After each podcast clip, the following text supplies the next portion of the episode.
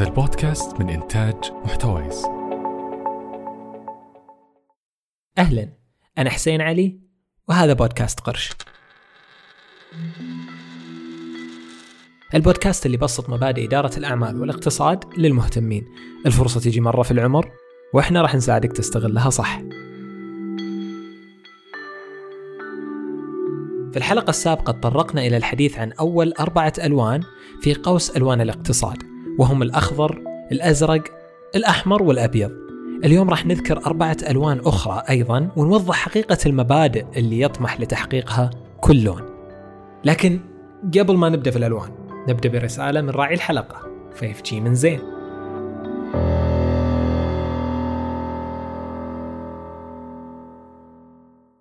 five G من زين تقنية الجيل الخامس 5G من زين توفر أحدث معايير السرعة على الجوالات والأجهزة الذكية. التقنية تسد فجوة الاحتياج العالي للبيانات وتوسع نطاق تقنية الاتصال وبكذا تتعدى تقنية الجيل الرابع وبجدارة. تقنية الجيل الخامس 5G من زين عالم جديد. تفاصيل الحصول على الخدمة في وصف الحلقة. نبدأ هالحلقة بالاقتصاد البنفسجي أو الأرجواني وهو أحد حقول علم الاقتصاد اللي يكون مرتبط ارتباط محكم بثقافة المجتمع نقدر نقول عنه تحالف بين الاقتصاد والثقافة بغرض التوفيق بين الاستدامة الاقتصادية والتنمية الاقتصادية من خلال تثمين العائد الثقافي للسلع والخدمات. وبذلك تكون ثقافة المجتمع هي اللي جالسة تخدم الاقتصاد وتوصله لأهدافه. هنا نقدر نوصف الثقافة كأنها القوة الناعمة اللي أثرها على الاقتصاد جدا كبير. طيب بتقولون هذا صار له ساعة يقول ثقافة وثقافة وما وضح. ما عليكم جايكم بالكلام. الثقافة هنا يقصد بها مجموعة العقائد والقيم اللي يقبل المجتمع بها ويمتثل لها أو مثل ما يقال عنوان هوية للأمة. وطبعا الإنسان كائن ذو ثقافات متعددة وهناك الكثير من العوامل اللي تدخل في بناء ثقافة الإنسان مثل الانتماء الحضاري، تقاليد المجتمع، تاريخه، إلى آخره. طبعا بالنسبة للاقتصاد هنا يجي دور المؤسسات الاقتصادية في استحضارها لكل هذه العوامل اللي راح تأثر على ثقافة البشر لأنها ما راح تتمكن من التعامل بنمط واحد فقط مع أكثر من فئة من المستهلكين. الاستجابة للجانب الثقافي أثر كبير في تجاوز تحديات عالمية تؤثر في الاقتصاد لأن التفاعل مع هذه العناصر الثقافية يمكن من إيجاد حلول أكثر إنسانية. عشان تتوضح وتتبسط عندك الصورة ناخذ مثال. ثقافة التطور والطموح مثلا تسوق إلى رفاه الدول الغربية مثل فرنسا وكندا وغيرهم. فهم يسعون دايم إلى اقتناص واحتضان كفاءات الأفراد في مجتمعاتهم ويحاولون يطورونهم يعطونهم الجنسيات يرتبون لهم حياتهم عشان يستفيدون من خبراتهم. وبكذا يدمجون ما بين الخبرات والمعلومات حقت الناس مع الثقافة المحلية وأدوارهم مع بعض علشان يصير اقتصادنا أفضل.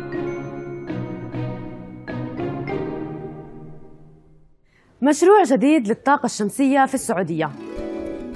وقع صندوق الاستثمارات العامة مذكرة تفاهم لإنشائه مع صندوق رؤية سوفت بانك بقدرة إنتاجية تبلغ 200 جيجا وات بحلول 2030 كما أن مجمع الطاقة الشمسية الذي سيبنى سيكون الأكبر في العالم من حيث المساحة أيضا.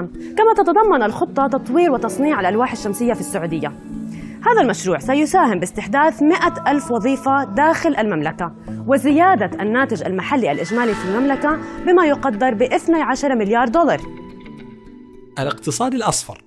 نعم يا سادة الاقتصاد الأصفر هو مهتم بدراسة الطاقة الشمسية وكيفية الاستفادة منها لتحقيق التنمية المستدامة. لأن كما نعرف أن المصدر الرئيس لمعظم مصادر الطاقة والمصدر المجاني ذو الطاقة الغير محدودة وهل يا ترى في أحد فينا يقدر يعوف شيء مجاني؟ شلون طاقته عظيمة وغير محدودة؟ هي علميا محدودة لكن تعيشنا إن شاء الله أكيد في هذه الحالة بنتسابق للاستفادة منها بأفضل طريقة وبعد أزيدكم من الشعر بيت وأذكركم لو راح من بالكم أن طاقة الشمس بعكس أنواع الطاقة الأخرى يمكنها الوصول إلى المناطق النائية طيب بعد ما تغزلنا بالشمس كثير شنو هي أهمية الاقتصاد الأصفر؟ دور الاقتصاد الأصفر يتجلى في ضمان إمداد نظام التنمية الحالي بمصدر موثوق ومستدام للطاقة. من خلال الاعتماد على قاعدة اقتصادية متنوعة تهيئ إطالة أمد الاستثمارات اللي تقوم على موارد كالغاز والنفط. خلصنا للتو من أهميته ننتقل إلى أهدافه. أول هدف توفير فرص عمل جديدة. اللي بيصير أن الدول راح تقوم ببناء محطات طاقة شمسية. فراح تحتاج مراكز تدريبية للعمال اللي يشتغلون. بحوث تطبيقية للأدوات اللي تستخدم وهالشيء بيخليها بحاجة إلى موظفين. اثنين المحافظة على البيئة لأن استخدام الطاقة الشمسية بيساعد على خفض نسبة انبعاث غازات الاحتباس الحراري. ثلاثة تحقيق توازن بين الأجيال الحالية والأجيال القادمة. شلون الاقتصاد الأصفر ممكن يحقق هالموازنة؟ عودة لما ذكرت مسبقا أغلب مصادر الطاقة اليوم محدودة لكن الشمس لا. فلما أجيالنا الحالية تستخدم طاقة الشمس اليوم ما راح تقلل من نصيب الأجيال الجاية.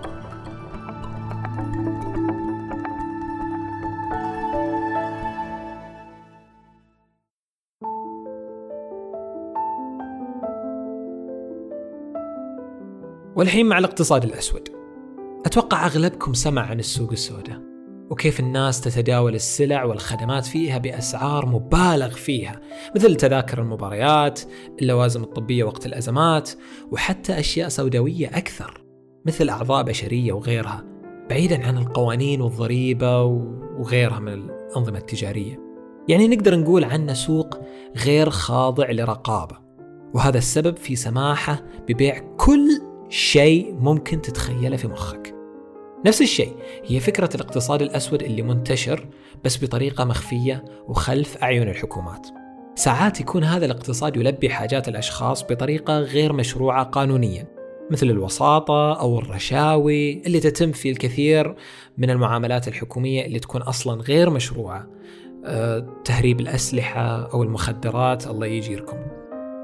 طبعا هذا الاقتصاد منتشر في أغلب دول العالم تقريبا إذا مو كلها. وللأسف صعب يقضى عليه بالكامل. وعادة يكون متواجد بكثرة في الدول اللي يتواجد بها نسبة كبيرة من الفقراء أو الدول اللي تتكون فيها عصابات. وهنا نجيب المثال مثل الهند. السبب وراء ازدهار هذا النوع من الاقتصاد كان قلة العرض في السوق وقت وقوع الحرب العالمية الثانية. وبكذا بدأت الناس تلجأ إلى طرق شراء أخرى لشراء السلع الضرورية في حياتها. يعني ما بدأ الموضوع مع مخدرات ولا بدأ الموضوع مع أعضاء بشرية. لكن السوق ناشف فتحتاج طريقة أخرى توصل فيها للمنتج اللي تبغاه. ولنا في تجربة كورونا الفترة السابقة مثال الكمامات أو غيرها من الأدوات مثل المعقمات اللي انقطعت من السوق وارتفعت أسعارها. وهذا يعتبر سوق سوداء.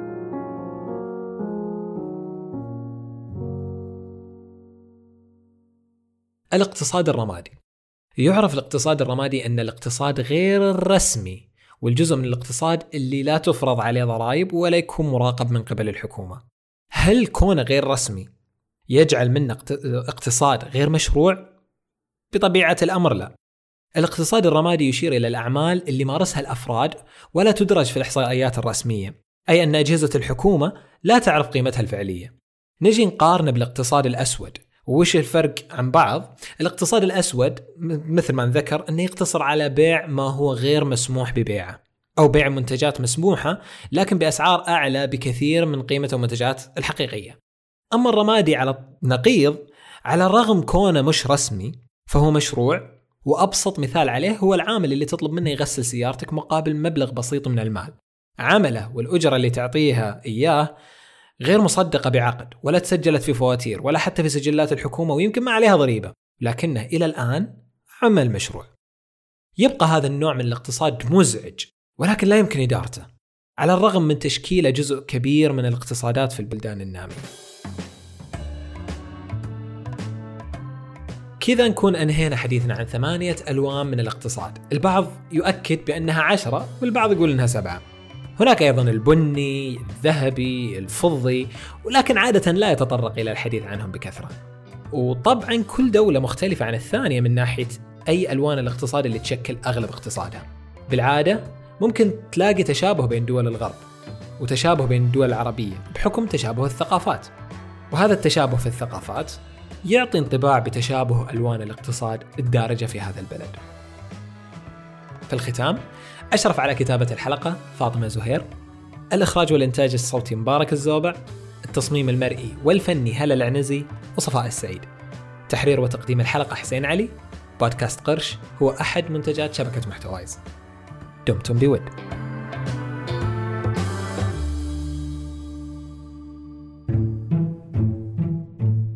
ليش صاحبة مرسيدس كانت تشحذ صدقات من الناس؟ وكيف كانوا الناس يصحون قبل اختراع المنبه؟ أنا مزروع المزروع وهذا بودكاست إيش القصة؟ واللي راح نسمع فيه قصص لأشياء وأحداث مر عليها زمن ولا قد سمعنا قصتها خلوكم ببيوتكم واسمعونا واستمتعوا